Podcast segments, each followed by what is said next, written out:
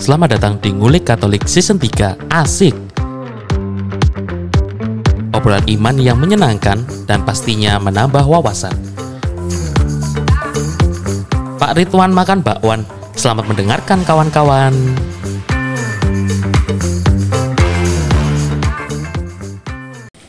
Selamat datang di podcast Ngulik Katolik season 3 episode 5 Asik. Asik, asik, asik, asik, asik, asik, asik. Masih bersama saya Nimas Diponegoro Saya Tias Rungkut. Saya Vincent Rungkat Saya Nina Rangkat Oke Yuk berangkat. Bisa, bisa. Kita ini Kita ini sedang eh, Demam pantun Iya. ya. Jadi semua kata akan dicari rimanya. Iya, betul. Ya kayak yang kayak yang viral itu loh. Bila ingin melihat Ikan di dalam empang. Oh bukan Gak apa-apa, di, di maklum memang kita turu arek. Iya Ya maaf eh, nyawa saya masih hilang setengah Ya apa-apa, kita mah maklum. Ya, asal tahu saja ya sobat Bumble, kita mau take voice untuk episode ini. itu reschedule Perjuangannya sampai tiga sangat- kali. Aduh, ya akhirnya sampailah kita pada episode yang kelima ya. Mana hari ini persiapannya ada yang Iya, Mixernya mixernya nggak ada, nggak nyantol. Kabelnya kabel adaptornya nggak bisa. Ada yang token listriknya masih bunyi listriknya tiba-tiba mati. Gak usah curhat ngono ta Mas, aku roh. Oke, kita langsung ke tema aja lah ya. Kalau minggu lalu kita ngobrol tentang keuskupan militer. Ya, masih ingat ya? Masih lah. Masih, masih. Halo, Dek. Gimana? Kemarin Halo, udah di feedback belum sama jenderalnya? Iya. Apa ada yang sudah dicegat sama tam-tama ya di dekat Kodam? Enggak, enggak, enggak. Oh iya iya. Pasar malam biasa nih. Tuku odeng. Itu kodek Sampai delok tong setan. Kau ono ini kodam gak ada tong setan Setannya akeh tapi kau ono Ya, kita menyoroti dulu isu-isu yang muncul seminggu belakangan ini ya. Ya, isu yang muncul belakangan ini masih belum bergeser dari tren eh, koruptor, eh koruptor, pejabat dipanggil oleh KPK. Oh saya kira pejabat dipanggil Tuhan Kita ngelayat dong kalau itu bukannya bikin podcast dong. Ya, Langsung berita duka Iya, obituary. Iya bener namanya obituari Nin Iya. Apa obituari itu? Ya berita duka, Itu is- ada Oh, istilahnya baru obituari itu tahu. Berita duka. Jadi kolom di di koran. Ya. Oh, orang nang desa biasanya layang keter. Lion ketir? Aku malah gak tahu loh itu istilah itu. layang Lion ketir, tahu ketir. Layangi, layang-layang ditulis berita duka. Surat surat. Lion, oh, lion ketir bukan layang. ketir Yo. Apalagi lion kentir Bukan Ya, oke. Saya agak kesulitan membridging itu. ya, eh Fokus, kejadian- fokus, fokus. Kejadian eh, beberapa pejabat yang dipanggil KPK itu salah satunya eh, ibu kita yang paling hits ya, Ibu Rayhana. Hah? Ella, Ella. Rihanna Itu Rihanna Ya. Kira dia nyanyi Umbrella. Umbrella. Aduh beda zaman ya. Ayo kelihatan zamannya di sini siapa? Nina Sama tahu Nina. sunlight like a diamond Sunlight like a Topiknya yang ini. Rehana, mungkin ada yang belum tahu ya, Rehana ini adalah eh, Kadinkes, Kepala Dinas Kesehatan Lampung yang selama yang menjabat selama 14 tahun nggak diganti-ganti. Wih, Dari tahun berapa itu kira-kira? kalah loh Pak Jokowi. Oh ya, betul. Dari tahun nah sekarang tolong yang mau ujian 2023. Mm-mm, Berarti dari 2009. 2009. Wena arek kumon langsung. iya iya gak sia-sia kon gak sia-sia kene reschedule Iya. voice bolak-balik nuruti Lumayan. jadwal kumonmu ya betul sejak 2019 ya Eh, 2009. eh 2009 I'm sorry ke dia akhirnya dipanggil oleh KPK karena harta kekayaannya itu terbongkar Hmm. harta kekayaannya itu dinilai 2,7 m Selama dia menjabat 14 selama tahun itu. 14 tahun itu dia akhirnya mengumpulkan duit Dua- 2,7 m. Ngeri. Padahal kalau aku baca itu ya, dia itu selalu lewat dari eh, pemeriksaan KPK gitu. Jadi yang mesti kena tuh mesti bawahannya. Dia tuh kayak Aman loh dia tuh. aman, cuci tangan gitu ya. Oh bisa ya? Oh, sering soalnya. Oh. Gak usah jauh-jauh. Iya. Terus kemarin ketika dia dipanggil oleh eh, KPK, eh tanggal berapa sih dia dipanggil KPK itu? Pokoknya nggak jauh Hari Senin, beda hari sama Senin. yang eh, kasus Lampung yang Bima itu. Ya, ini eh, kalau menurut Detik ya, Detik News dia ke KPK itu tanggal 8 Mei. Mm-mm. Dan dia muncul di sana dengan menggunakan membawa tas merek Hermes. Bener nggak ngomong? Herman.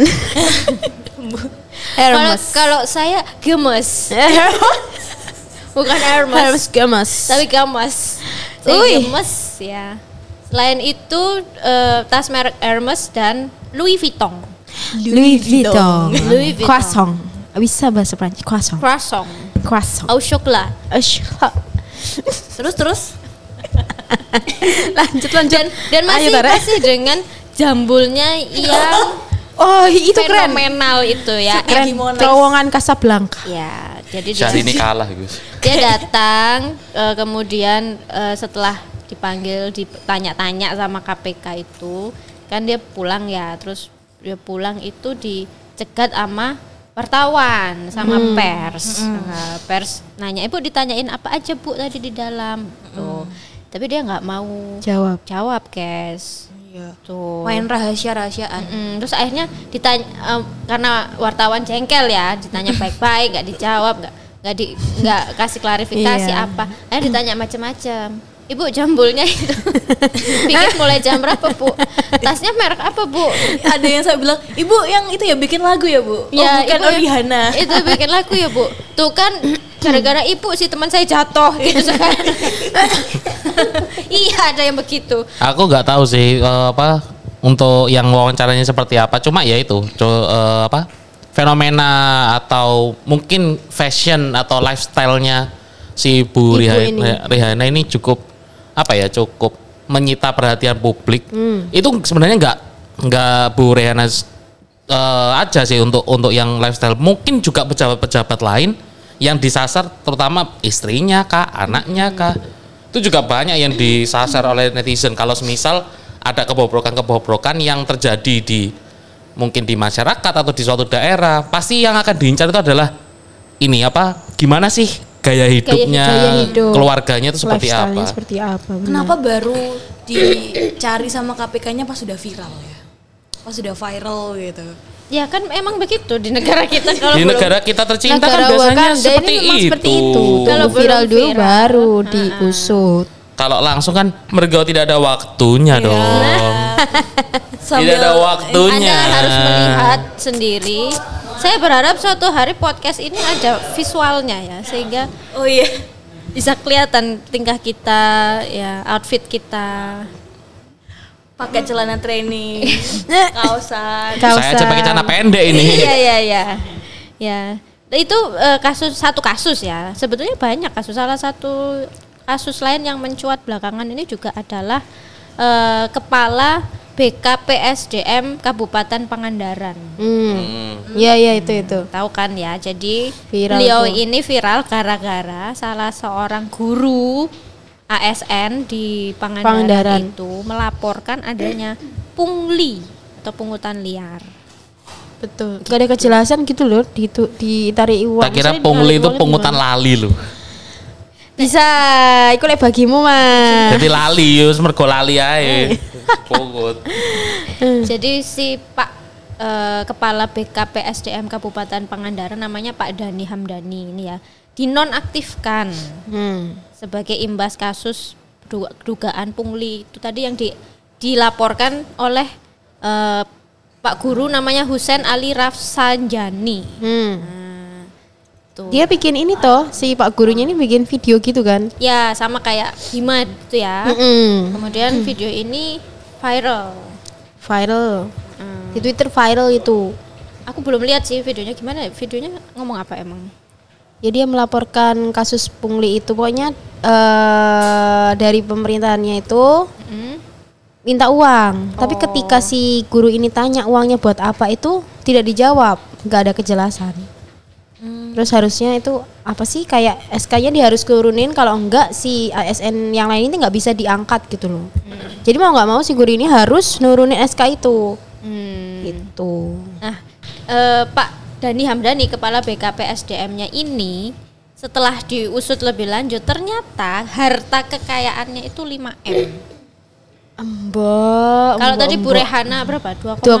2,7 M ya. Meter. Iku aku koyo emas. meter. Si si Pak Dani Hamdani ini 5 M. Mungkin yang dimaksud 5 M tuh Malibu Malatus. Malibu 500. Malibu 500. Baik lucu loh. Malibu Malatus.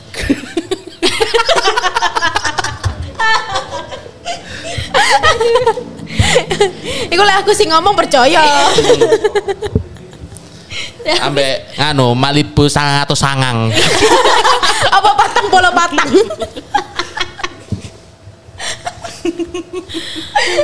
Jadi 5 M itu ya eh, ternyata jumlah kekayaan yang 5 M itu naik 83% daripada total kekayaan yang dia laporkan tahun 2019. Bayangkan tahun 2019 itu tiga tahun lalu ya, tiga tahun lalu naik 83 persen. UMR aja Nah, naiknya iya. nggak segitu UMR ya. Enggak enggak lah. nek petang persen loh. Heeh. Ya, iya, tak syukur-syukur empat empat persen. Like, misalnya naik satu persen atau tiga persen, tok lah yo podo ae, kalau perubahan. Ya, makanya. Gak keroso pak. Nah iya dan itu sumbernya juga masih dipertanyakan dari mana 5M itu. Dan ketika kasus ini muncul dia menyebabkan eh, Pak Husen guru yang melapor itu malah dicopot apa di Di, di ASN-nya kan ya. Nah, Jadi SK ASN-nya dicabut ya. Tapi sudah dikembalikan kembali oh, eh, sudah dibalikin sama Pak Ridwan Kamil kalau nggak salah ya status ASN-nya. Kalau tidak salah ya di apa dikembalikan lagi seperti semula. Jadi yang menjadi apa ya? Yang menjadi biang kerok dalam tanda kutip mungkin ya karena adanya laporan-laporan semacam itu pasti kan desakan-desakan ataupun apa ya suara-suara dari para netizen ini juga melihat oh ternyata loh kita ini berusaha jujur aja loh di lingkungan yang seperti sebegitu susah sekali Bahkan ada yang komentar tuh netizen komentar di Twitter itu memang kalau di lingkungan maaf ya PNS itu kita berlaku jujur itu malah tidak baik. Malah dianggap berbeda. gitu. Yes. Mm-mm. Ah, jadi kalau ditanya cari apa Pak di sini cari muka saya di sini. mukanya hilang mana muka saya saya cari muka di sini. Kececer mukanya ya. Kececer. luntur mukanya Jalan. luntur Teletean Ya, jadi harus dicari. dipunguti siji-siji. tipe dendi, Iya, Mang. bener. Aduh ndi raiku ilang rek. No. lega disaut sampai sopor ya. Padahal semakin banyak muka tuh semakin habis-habisin bedak. Betul. Yes. Gimana coba? Mm-mm. Berarti itu kayak em, udah yang tipikal akar mengakar di negeri ini ya. Iya, kayaknya begitu. kebobrokan secara sistematis dan juga Ya. struktural Masih Dari ingat nggak? Masih ingat kasus Mario Dendi itu? Nah, Nah, bapaknya akhirnya dicopot dari kantor pajak Kantor itu pajak. kan. Terus diusut ternyata kekayaannya di mana-mana atas Iya. nama Orang lain. orang lain gitu. Supir tapi dicopot pun dia tetap masih kaya loh. Dia masih kaya. Masih kaya loh. Nah, dan jangan lupa juga eh, Jenderal Sambo ya. Iya, Nah. Hati-hati loh yo. Enggak apa-apa. Oh, lima ada menit duar paling ku mercon ayam ngono. Kalau kalau sampai eh, podcast kita ini didengarkan ya malah Malah untung lah, bagus. malah Malah bagus. bagus. Viral nanti. Iya. Soalnya jarang kan. ya be- mungkin kalau nanti mixernya hilang ya Berarti ganti mixer yang lebih Ah. gede kan Minta gitu duit kan. lah langsung. Nah, di kadekno piro ngono lah ini adalah fenomena-fenomena ya betapa pejabat-pejabat di negara kita ini eh, alih-alih melayani ya malah memperkaya diri. Betul. Lucu ya. Padahal kita yang ngasih kepercayaan ke mereka, kita yang pilih mereka, tapi Kan jadi trust issue ya kak ya. Trust issue. Golput salah, Golput milih salah, milih salah, les gimana ini ya kak ya? Nah, fenomena ini ini fenomena atau apa ya? Karena menurutku sudah bukan fenomena. Udah fenomena, ya, udah- sudah udah. lumrah. Kebiasaan, Benar. kebiasaan. Iya, kita nggak dianggap nggak bisa lagi menganggap ini fenomena. Bahkan kayak ini loh yang apa video kayak entah kali- klarifikasi atau eh, video tambahan lanjutan dari yang videonya si Mas siapa Husen atau siapa itu. Ah, ah. Nah, itu dia juga apa ya sambil menangis itu kayak bilang ya wes aku tak nganu nganu aja apa tak mundur aja. Kayak sampai segitunya loh. Bahkan orang yang jujur pun orang baik itu pasti kalah dengan orang yang ini apa yang sudah Yang zolim. Eh, rusak rusak secara struktural dalam artian seperti itu kayak ibaratnya ini loh kayak eh, apa menjadi domba di tengah-tengah kawanan serigala nah itu kan juga agak susah tuh kayak, kayak seperti harus ada tumbalnya itu loh Iya, untuk mengusut sesuatu itu sampai harus ada yang berkorban dan sialnya yang berkorban itu yang lemah. Mm. Orang baik dan ini yang baik, yang lakon menang keri ngono lho istilahnya tapi kok Gak ter- ono, iya, gak kalau di sini nggak ada istilah la- lakon menang carry. La- lakon gak menang menang. Gak ngarah menang. Gak ngarah loh. menang. Mergo gak ono waktu nih. Sering di film Indosiar iki real. real iki. gitu. Nah, KPK sendiri sempat bilang eh, ke pers ya, ke media ketika itu. eh, kalau sumber kekayaannya pejabat tuh nggak jelas, KPK bisa mempidanakan pejabat negara tersebut. Yang sudah salah satu contoh sudah Rafael Alun itu ya, bapaknya Mario, Mario Dendi, Dendi, itu. Lalu KPK juga minta supaya eh, masyarakat itu turut memviralkan temuan harta pejabat yang mencurigakan. Menurut Ayo ayo ayo. Menurut saya ini konyol ya. Itu kan tugas dia ya, bos ya. Gimana ya? Kenapa harus netizen yang bergerak? Nah, kita Terus yang- tugas polisi apa? Giliran kebaya merah aja. cepet loh, Cepet, benar. Kebaya merah, kebaya coklat, Kebaya hijau, kebaya kuning. Semua itu cepet loh. Cepet ketemunya. Nina, Nina kenapa Nina? nggak kebaya merah apa emang kebaya merah? Nah, itu, itu, nanti, aja. nanti akan dibahas di podcast yang lain. Iya. Tunggu kita part 2 Kalau rame lanjut part 2. Bahas khusus soal kebaya merah. Nah itulah Gila, uh, kita betul, kita betul. sudah saking gedeknya ya sama KPK pun sampai uh, meminta kita untuk melakukan tugasnya gitu. Nah sebetulnya yang pengen saya yang pengen saya diskusikan adalah untuk apa sih orang-orang ini berlomba-lomba mengumpulkan harta? Kenapa kok sampai harus KPK meminta kita memviralkan harta yang mencurigakan? Tuh. Apa kira-kira akarnya apa? Akarnya adalah ketidakpuasan yang pasti. Siapa sih manusia yang puas terhadap apa ya keadaannya saat ini? Pasti kalau ditanya kamu dengan kondisi ekonomi atau kondisi keluargamu saat ini, apakah kamu merasa cukup? Tidak banyak yang berani menjawab cukup ya. Mm-mm. Tidak banyak. Banyak mungkin tapi dalam hatinya enggak aja nih. Eh, Mungkin tang- tetangganya yang bilang seperti itu mungkin merasa cukup. Ya mungkin tetangga lihat kita kayak oke-oke aja. Heeh. ya, tapi sebetulnya masalah masalahnya adalah kita itu kadang terlalu tamak. ya. maruk lebih tepatnya. Iya. Lebih maruk daripada Firaun. Ini salah satu apa dosa apa sih? Ketamakan salah Itu. satu dosa Oh, tujuh dosa asal dosa. dong. Iya, Itu dosa berat dong. tujuh dosa asal. Bukan tujuh dosa mematikan ya? Ya, seven deadly sin itu termasuk Mm, seven greedy, deadly. greedy. Greedy, ya betul, ketamakan. Nah, kalau dilihat dari kacamata eh, kita sebagai orang Katolik ya, ini sudah jelas bahwa ketamakan, kerakusan, eh, ketidakpuasan juga bisa masuk ketamakan. Iya. Tapi ada juga loh yang bilang, kamu jangan cepat puas sama dirimu, sama pencapaianmu. Nah loh, ini kan berseberangan. Eh, mungkin untuk penafsirannya itu sih lebih tepatnya untuk apa ya tidak berpuas diri itu dalam artian kamu sebenarnya punya potensi lebih tetapi kenapa kamu tidak memanfaatkan potensimu itu Oke, siap. jadi kayak ngepush ngepush potensimu gitu loh. jadi bukan bukan hasrat hasrat apa ya dark desiremu itu kamu kamu naikin enggak. Cuma ya your potential your poten- potential thing in your mind or in your body in your soul harus lebih ditingkatkan. Jadi kayak push the limit lebih Oh, tepatnya. iya, iya. hanya cuma ya gitu tadi jangan disalah artikan bahwa pencapaianmu dengan kekayaan yang seperti ini dan lain sebagainya itu yang menjadi tujuannya, bukan. Tetapi sampai mana kemampuanmu itu. Karena kan gini loh. eh, ibaratnya kayak ini kayak yang perumpamaan orang-orang yang diberi talenta itu ya. Ya, ya. Ya kan pasti ada yang diberi talenta satu, diberi talenta dua, diberi talenta lima. Ya bagaimana apa yang menjadi ini ya, apa yang menjadi kepunyaanmu, kamu sebenarnya bisa bisa apa ya, mengembangkannya lebih baik lagi ke arah yang mana?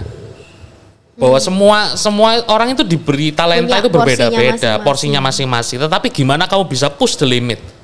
Oke. bukan dari man dari apa ya dari apa yang kamu eh, capai prestasimu dan sebagainya kekayaanmu yang mungkin kalau orang biasa ya mungkin akan tergoda kalau semisal eh, dia harus di- dia harus memilih kamu eh, harus naik kamu bisa naik jabatan setingkat ini dengan kekayaan seperti ini tetapi ada yang harus kamu korbankan dan yang kamu korbankan itu justru adalah yang paling berharga bagi bagi dirimu jadi bukan Contohnya? bukan ya contohnya kayak kamu anu ya apa bisa kamu naik pangkat Tapi dengan pindah kayak agama. segini ha ya seperti itu bisa bisa Iya jadi ada loh, ada, Ada kayak kan? gitu. Ada yang Iya, seperti loh. itu. Nyata Tapi loh kamu itu. pindah agama. Benar-benar Ha-ha.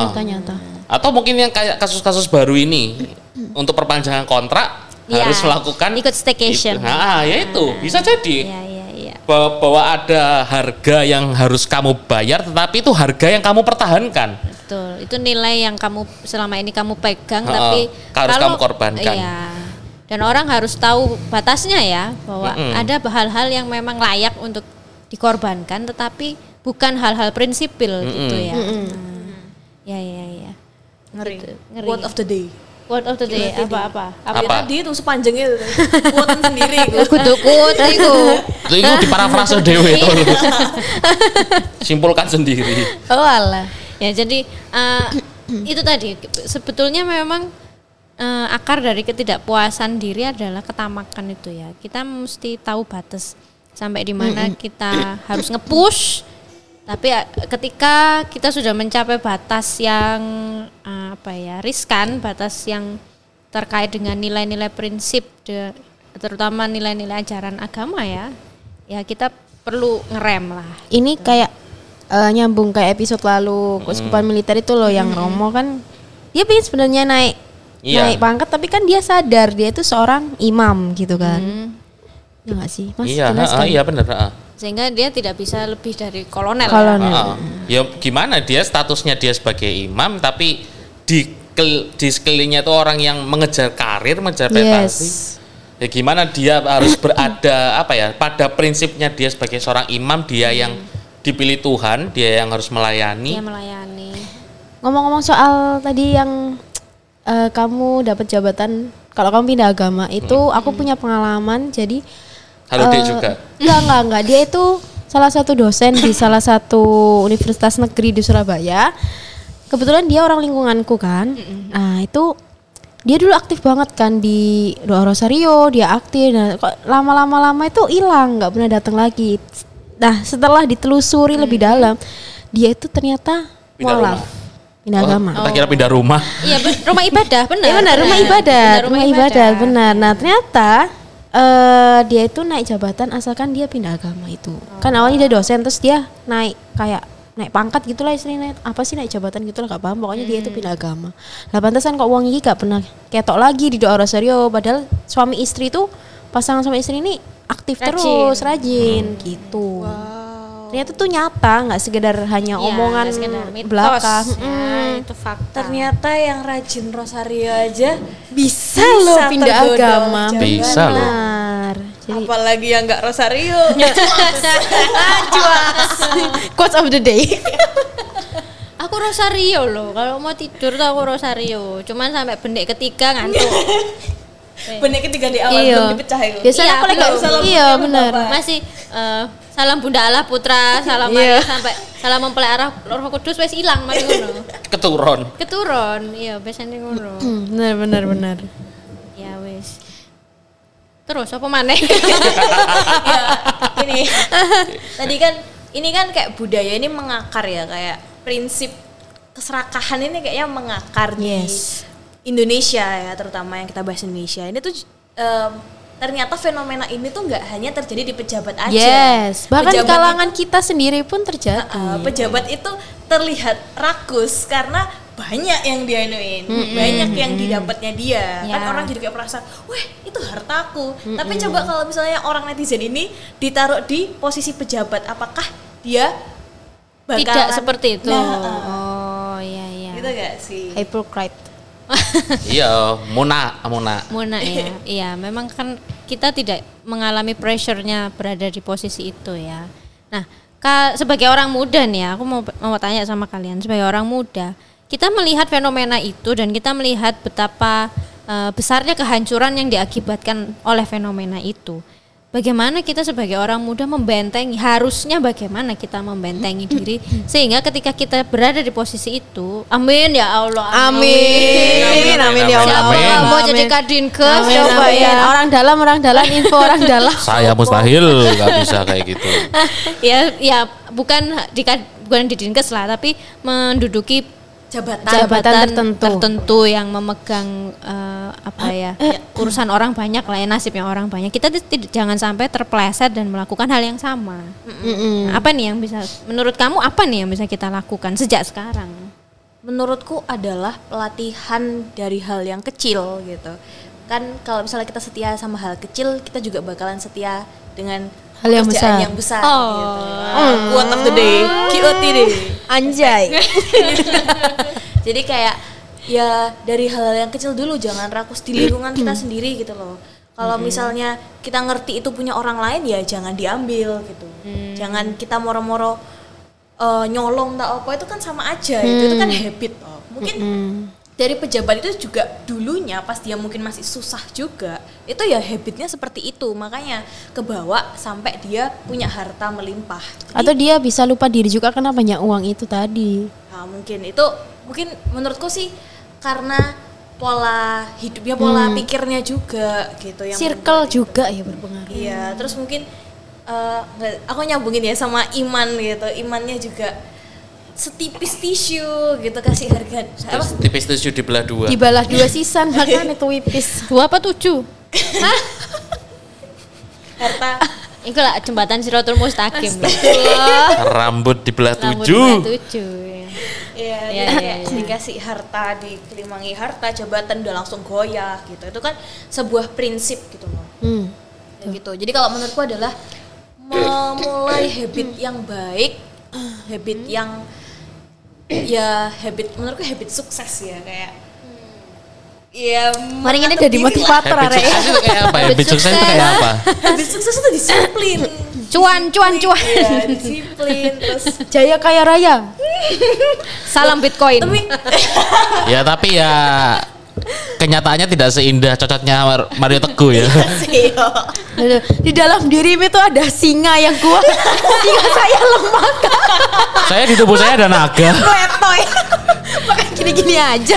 itu bu saya ada Indomie spesial telur bungkus bisa Aduh, iki opo sih nggak tahu ya. gitu lah pokoknya dari aku aku sih menurutku habit yo oke Tuh. mulai dari habit betul. ya kalau Tias eh mengontrol diri. Jadi aku punya apa ya kayak contoh nyata lah dalam kehidupan sehari-hari. Biasanya kalau di kantor kan ada ulang tahun, jadi kita, dika- kita dikasih kue satu orang jatahnya satu. Ya sudah, berarti kalau eh, misalnya kalau ada orang, mesti ada divisi lain yang lebih itu jangan diambil karena kan itu udah disisahkan buat dilebihin buat divisi yang lain kayak gitu. Jangan apa-apa eh ambil serakah lah tamak ya kita belajar ugahari ya kak ya. Uga Gitu. hari ya jadi dari tadi itu bahas istilah uga iya hari. ugahari leh uga. Leh uga. Iya leh uga nih ngap. Aduh aduh. Ya seperti itulah. Jangan tamak jangan serakah ya mulai dari belajar hal hidup kecil. cukup lah. Jangan jangan dulu. Karena memang manusia kan nggak pernah hidup cukup ya. Maksudnya tidak pernah puas jadi itu. Ya. ya mas. Ojo jangan jangan jangan aja jangan asem. Jangan jangan dulu. Ya. Jangan ganggu dulu.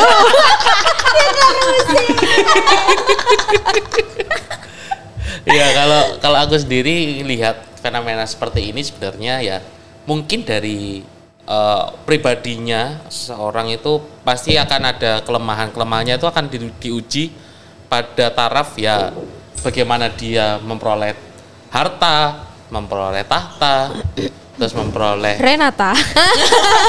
Harta tahta Renata. iya oleh Renata lek tiba dulu cinta oh iya ya.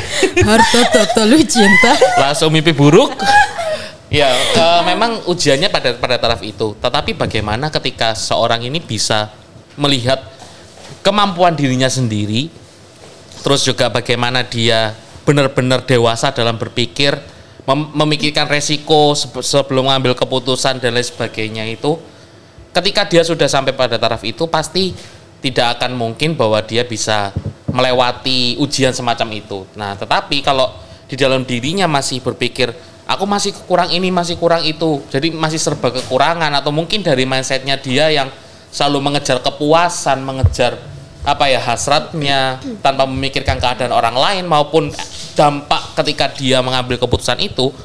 Maka ya seperti yang sudah-sudah yang kita lihat dari fenomena-fenomena yang ada di negara kita ini bahwa semakin banyak eh, orang-orang yang semakin mengejar kekayaan kemudian juga mungkin kalau semisal sudah apa ya sudah sampai pada kesuksesan pada tingkat tertentu pasti akan flexing sana sini kayak yang apa eh, kasus-kasus yang Sebelum-sebelumnya. ya, sebelum-sebelumnya itu Eh, istri-istri pejabat. Heeh. dan mentalitasnya juga yang perlu diubah. Kalau seandainya dia sejak awal, mungkin sebelum memiliki harta yang sedemikian banyak, sudah terbiasa dengan kesederhanaan, sudah terbiasa untuk eh, apa ya berbela rasa, bertenggang rasa dengan orang-orang sekitarnya yang mungkin masih berkekurangan, maka ya tidak tidak apa ya tidak bisa tidak mungkin juga bahwa orang itu bisa menggunakan hartanya untuk kebaikan orang lain. Ya percuma kalau misal dia sudah apa ya sudah terbiasa sederhana akhirnya berubah mindsetnya ataupun berubah perilakunya dengan apa ya dengan mungkin lingkungannya yang mem- memberikan da- dampak yang negatif justru malah apa ya ndak ndak memberikan kontribusi yang baik kepada masyarakat justru malah apa ya me- merampas ataupun mengekang masyarakat dengan berbagai kebijakan terutama kalau misal itu dari pemerintahan dan lain sebagainya. Ya mungkin apa ya kesadaran dari dalam diri eh, orang tersebut bisalah paling enggak melihat oh ternyata kondisi masyarakatku kayak gini apa sih yang bisa aku lakukan untuk mereka? Jadi ya jabatan itu pun bisa apa ya bisa digunakan untuk kebaikan bisa juga untuk memperkaya diri Bisa juga untuk sesuatu yang merugikan orang banyak. Oh, Sangat bisa kalau di Indonesia sangat Iya, bisa. sangat, Sangat bisa, bisa. sekali. karena Sangat ya lingkungannya itu tadi Iya, iya. iya. Support by Indonesia. Kalau menurut saya ya untuk membiasakan hidup sederhana itu mulailah dengan memberikan pendidikan finansial kepada anak-anak.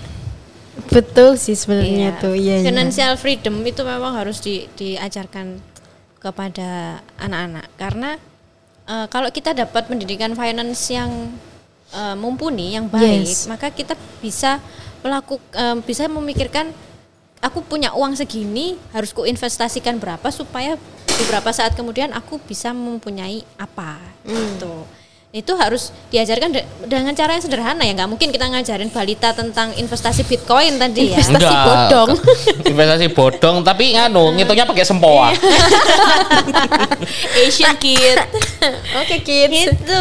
Ya, jadi kalau dari awal dari kecil kita diajari eh, fin- pen- tentang finansial yang baik, meskipun kita punyanya sedikit, tapi eh, investasi itu kan mem- membuat hal yang sedikit menjadi lebih besar, Lebih besar. tapi dalam jangka waktu tertentu. Nah, itu diajarkan dari kecil. Kalau aku di keluargaku itu selalu di- diajarin begini. Kalau perkara ilmu, kamu harus lihat ke atas. Artinya kamu nggak boleh mikir bahwa kamu tuh paling pintar karena pasti ada yang lebih pintar dari kamu. Tapi kalau perkara harta, lihat ke bawah. Karena apa yang kamu punya itu belum tentu orang yang di bawahmu tuh punya. Masih ada yang lebih soro daripada kamu. Nah, jadi apa pun yang ada itu disyukuri. Kalau perkara ilmu kamu nggak boleh berpuas diri itu tadi. Tapi perkara harta kamu harus merasa cukup dengan apa yang kamu punya saat ini. Gitu. Betul. Ya, ya makanya kayak, kayak itu kan kayak anak muda kaya yang pengen mengikuti Yesus kan Yesus bilang apa? Pergilah jualah harta milikmu pada orang miskin dan setelah itu datanglah kemari. Hmm, dan ikutlah aku. Ikutlah aku. Makanya orang orang kaya itu kan tidak akan bisa masuk dalam surga karena itu. Ya karena memang apa ya mustahil seekor unta masuk ke Yes. melal- ke- Uh-uh. melalui Lubang jarum. jarum. Dalam artian bukan bukan anu ya, bukan orang orang kaya itu susah nggak akan masuk surga. Tapi eh, orang kaya ini pasti akan apa ya?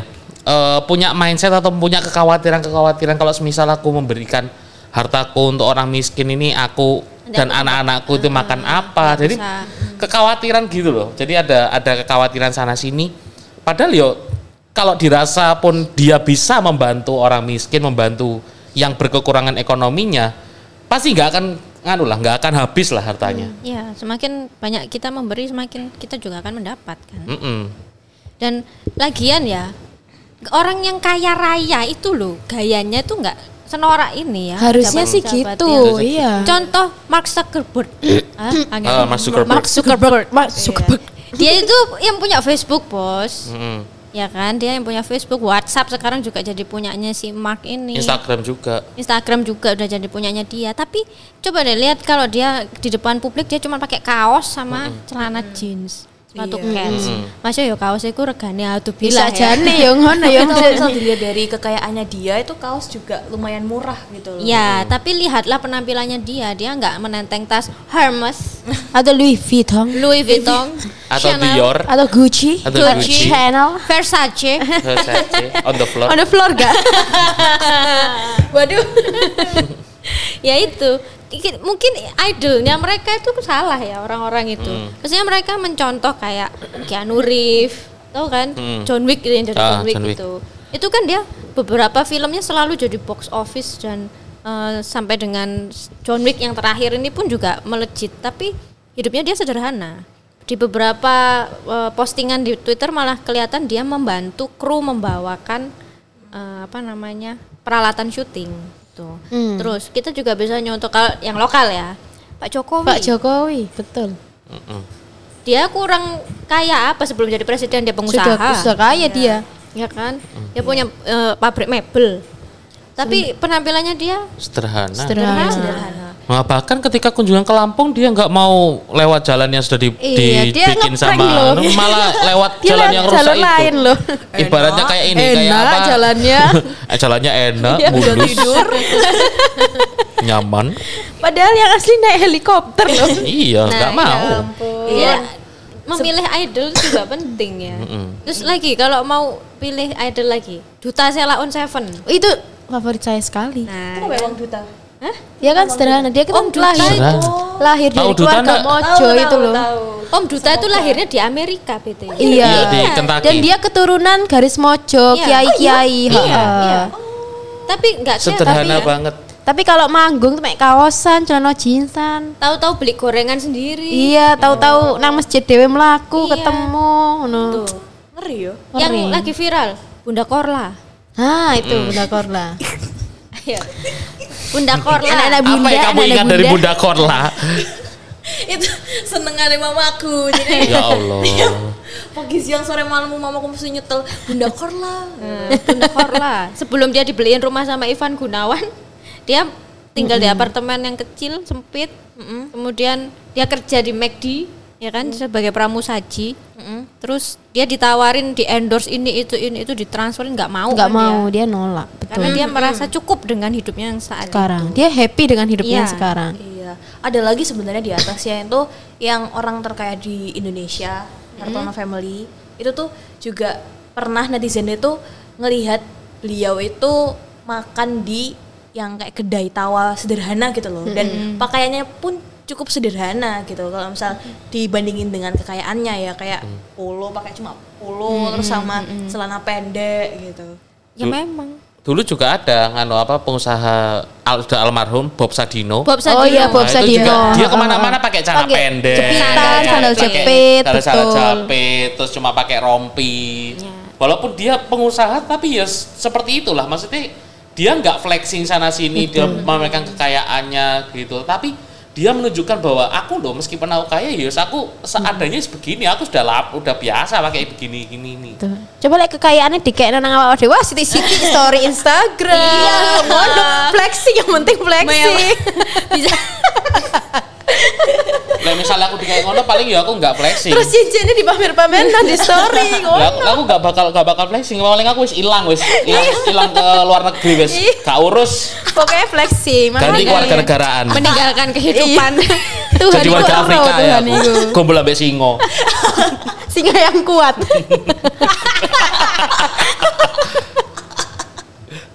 ya Allah. anyway, ya begitulah. Jadi sebetulnya itu bisa dilatih kok ya. Eh, kehi- apa gaya hidup sederhana itu sebetulnya bisa dilatih. Bagaimana merasa cukup dengan apa yang dimilikinya. Kata kuncinya ada mungkin kata kuncinya bersyukur ya.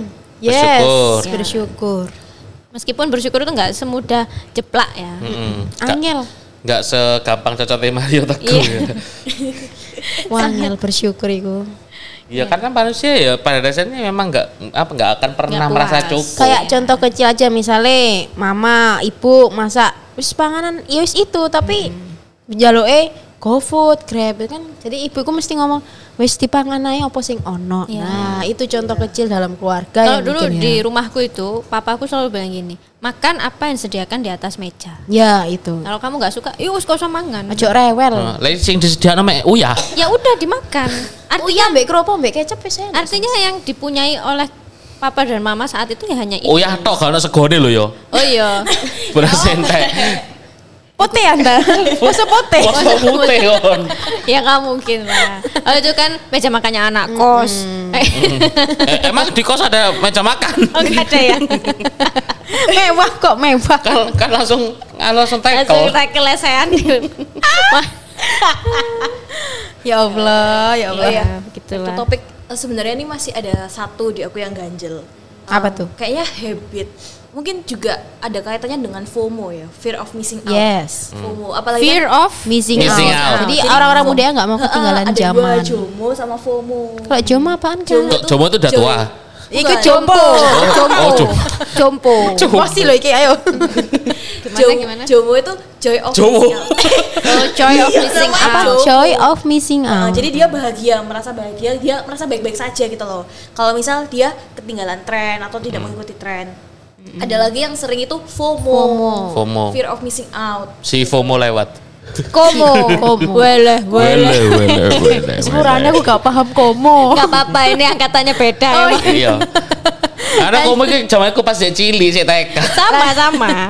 Oke, lanjut lanjut. Kita kecil. Nah, sekarang kan juga ada banyak konser nih ya kan sejak pandemi semenjak pandemi ini kan mulai banyak konser dari dari Blackpink, Yes. habis gitu Taylor Swift, ada juga yang baru-baru ini itu Coldplay. Coldplay. Gitu. Dan 15 November. Lights will Guide you home. Enak, enak paduan suara iki. Terima kasih. Terima kasih. Sekian dan terima kasih. Gak mana-mana. Terus terus nih, Ya, terus nih. Ya karena karena mungkin apa habis pandemi juga kayak menggebu-gebu rasanya tuh orang-orang pada pingin banget gitu loh ke Coldplay entah entah itu fansnya atau bukan kayak Yes. Blackpink pasti itu entah itu fansnya atau bukan kayak ya mau aja buat nge-story kah apa Konten. meng- apa Kasih makan Instagram. mengorbankan berapa jutanya untuk sekedar FOMO sekedar nurutin gengsi lah itu kan juga sama aja kayak Itu bibit-bibitnya sih. Iya memang bibit-bibitnya di situ. bibitnya di situ. Ya itulah tantangannya anak-anak kita ya ant- tantangan kita sebagai anak muda sekarang ada FOMO ada Mm. Jomo kalau saya sih cenderung ke jomponya itu tadi ya. Jompo. Balungan tuwek. bawaannya ada salon pas punya angin Minyak angin, Minyak minyak nyong-nyong. telon.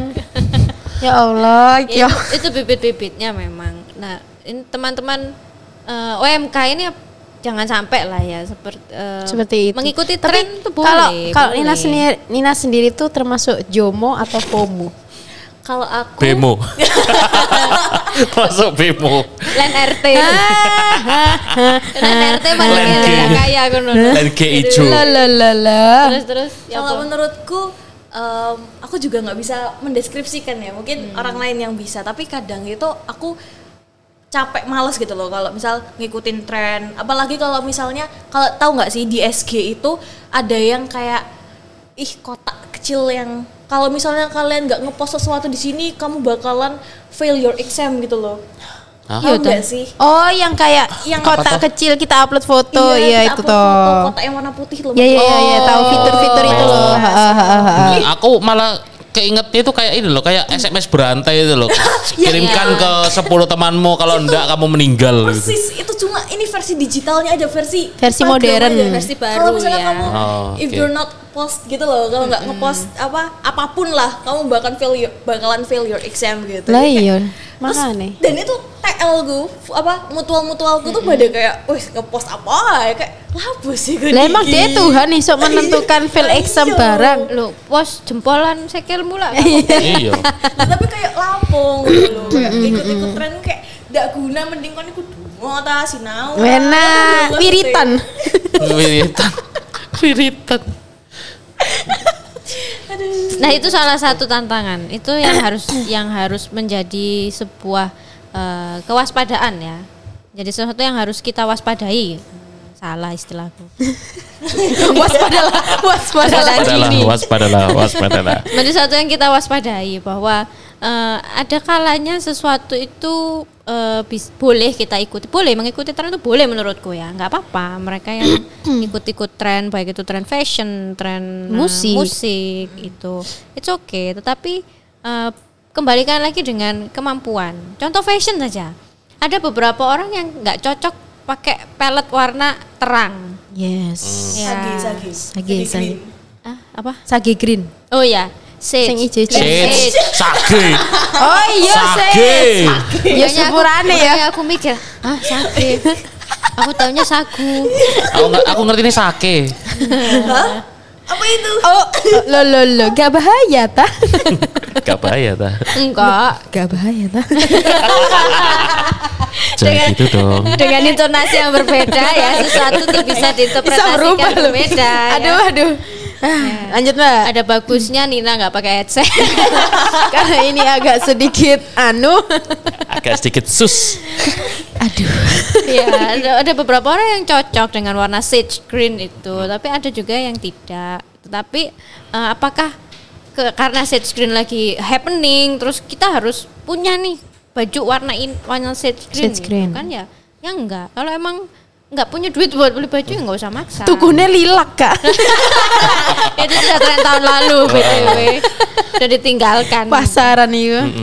saya kalau Nina termasuk yang ikut apa enggak tadi belum dijawab itu Belum terjawab. Iya belum terjawab itu. ya apa ya aku tapi kadang aku kalau misalnya ada yang seru memang seru aku kadang ikut kalau misalnya nggak menarik buat aku gitu aku nggak ikut ya artinya dia udah dia punya benteng sendiri sih udah itu menurutku ya ya keep on going Ya kalau di Indonesia konser musik itu SOD itu loh kak, Sound of Downtown itu. Untung aku gak teko. jujur jujur banget nih ya, review dari yang kayak konser-konser gitu itu tuh sebenarnya cuma kayak dengerin Spotify tau nggak Iya, sih? makanya itu. Cuman lihat, cuman kita lihat ini aja langsung Iya, asli gestarnya, aja. terus bisa sambil nyanyi sambil singkrak singkrak doang. Iya. Tapi ya itu kalau misalnya lihat or- orang-orang yang nonton konser dan sebagainya, aku yang yang menjadi apa ya pertanyaanku selama ini loh, enaknya apa sih Iya, kalau itu heeh, nonton konser. berdiri berdiri doang dengerin apa penyanyinya langsung gitu, kenapa nggak eh, dengerin di Spotify aja kan ya sama sebenarnya. Karena saya orang yang suka nonton konser, saya jawab. ya ya ya silakan silakan ya mohon maaf saya nggak terlalu suka nonton konser ya, sih. Kan mungkin kesenangan orang itu kan berbeda-beda ya. Ya. Tapi kalau aku sendiri, kalau bandnya nggak yang aku suka banget, aku nggak bakal nonton. Contoh, misal kemarin Denny Denny Seven. Caknan oh Denny Caknan. Denny Denny Caknan. Kata Nyonya medot janji. Iya.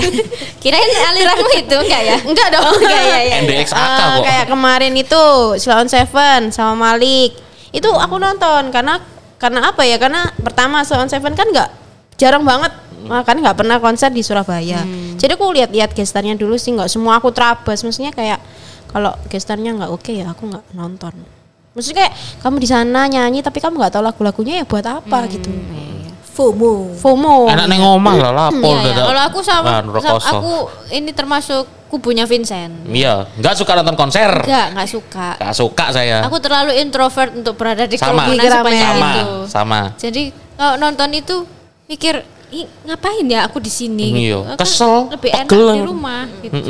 Orang itu bayar ya. Iya, Iya, bayar lah. Lek gratis saya yo kadang mau. Heeh. Lek gratis males pasti rame. Ya iya makanya itu aku nggak betah berada di keramaian tapi aku betah kalau ada keributan. Kalau di mana ada keributan saya ikut nimbrung. Saya iya. Lu lah gocek-gocek lah.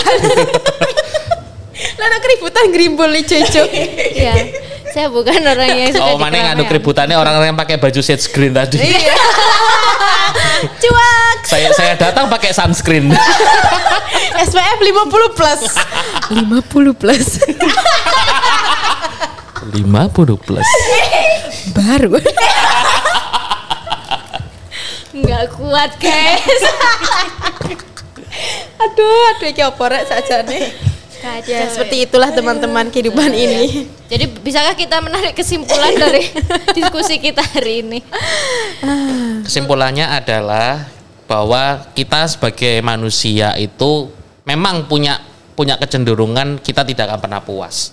nggak akan pernah puas, akan terus mencari pursuit of happiness mungkin apa mengejar kesenangan, mengejar apa ya, mengejar apa yang Kepuasan menjadi diri. kepuasan diri kita. Tetapi ada kalanya bahwa bagaimana kita bisa mengerem pada batas-batas tertentu. Nggak sampai pada taraf yang merugikan orang lain, merugikan diri kita sendiri sampai berdampak yang buruk pada siapa pun. Entah itu baik dari segi kekayaan, segi kepintaran ataupun segi good lookingnya yang bisa apa ya menggoda banyak orang dan sebagainya itu juga paling enggak ya itu karena punya batas-batas punya limit Betul, tertentu betul. itu. Iya. Privilege orang cantik, orang ganteng itu besar. Heeh. Terutama nanti jadi sasaran haludek. Ada gitu. Ya mungkin aja ada, ya sih, kan. Ada, ada. Yang Nggak pasti cukup harus sama bidan. satu, main celok liane. Oh no. Iya kan yang pasti setia setiap tikungan ada. Nah, iya, nah, tiap Ada. sudut itu provinsi ono, kota ono, desa ono. Wis, Iya, pakai Menjangkau seluruh Indonesia. Kayak Telkomsel. Boleh berjalan deh, ngawur.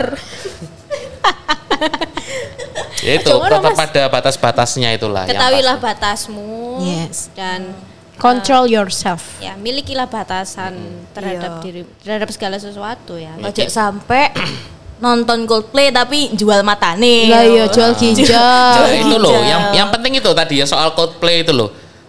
Adanya war tiket Coldplay itu sebenarnya Tuhan menguji ekonomi kalian, tetapi kenapa kalian ikut war tiket Coldplay? Untung aku gak ngebar, soalnya larang. Eman. Lagu satu sewu kan gak apa-apa. iya, lek Coldplay regane 50.000 paling aku tuku. Iya, tak tuku ame. Lagu kok petang juta, 11 juta. Emang Coldplay, konsernya Coldplay nggak bisa tadi eh, Di Magetan. enggak, enggak, Di. Sarangan ngono. Maksudnya kita belinya itu link zoomnya gitu. nggak bisa.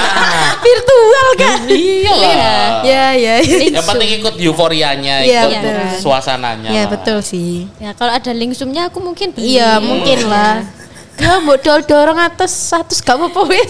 Wis. tuku siji tapi Kayak bareng-bareng. Ya bareng Kayak iya, nobar. Aduh, aduh. Ekonomi sekali ya. Rungkat, rungkat. Iya, iya, iya, iya, iya. Ya, ya kesimpulannya itu ya. Ada ada lagi yang mau nambahkan kesimpulannya? Mungkin Nina mau menambahkan Nina. Nina ketawa aja. Iya. Udah nggak pakai headset. For the information teman-teman, dari kami berempat ini Nina nggak pakai headset. Iya. Makanya kali ini Nina harus ngomong. Oke, jadi ya menurutku aku balik lagi sih kayak tadi kayak eh, habit itu itu sih kayak ditanam dari sejak dini sedini mungkin gitu tentang eh, biar kita nggak gengsi nggak ikut-ikut orang terus gitu nanti ya dengan habit yang baik itu bakalan membentuk pribadi yang baik Oh, enak. Eh, OOTD. Eh, kok OOTD? Mirror selfie lah Kak. OTD. Kadang OTOT gede. Aduh, aduh. kadang kadang keonanku ini keonanku ini nggak tahu batas ya Gak apa-apa. Kalau ini jangan diambil semua ya. Limit. baiklah terima kasih sobat Bable yang sudah bertahan mendengarkan sampai dengan menit ke menit ke 54 ini ya Eh, sampai ketemu dari kami berempat terima kasih saya Dimas Diponegoro Saya Tias Rungkut. Saya Vincent Rungkat. saya Dina Sampai ketemu. Sampai ketemu di episode selanjutnya. Jangan lupa untuk selalu mendengarkan Ngulik Katolik karena iman tumbuh dari Pendengaran. Bye bye. Bye bye. Bye bye.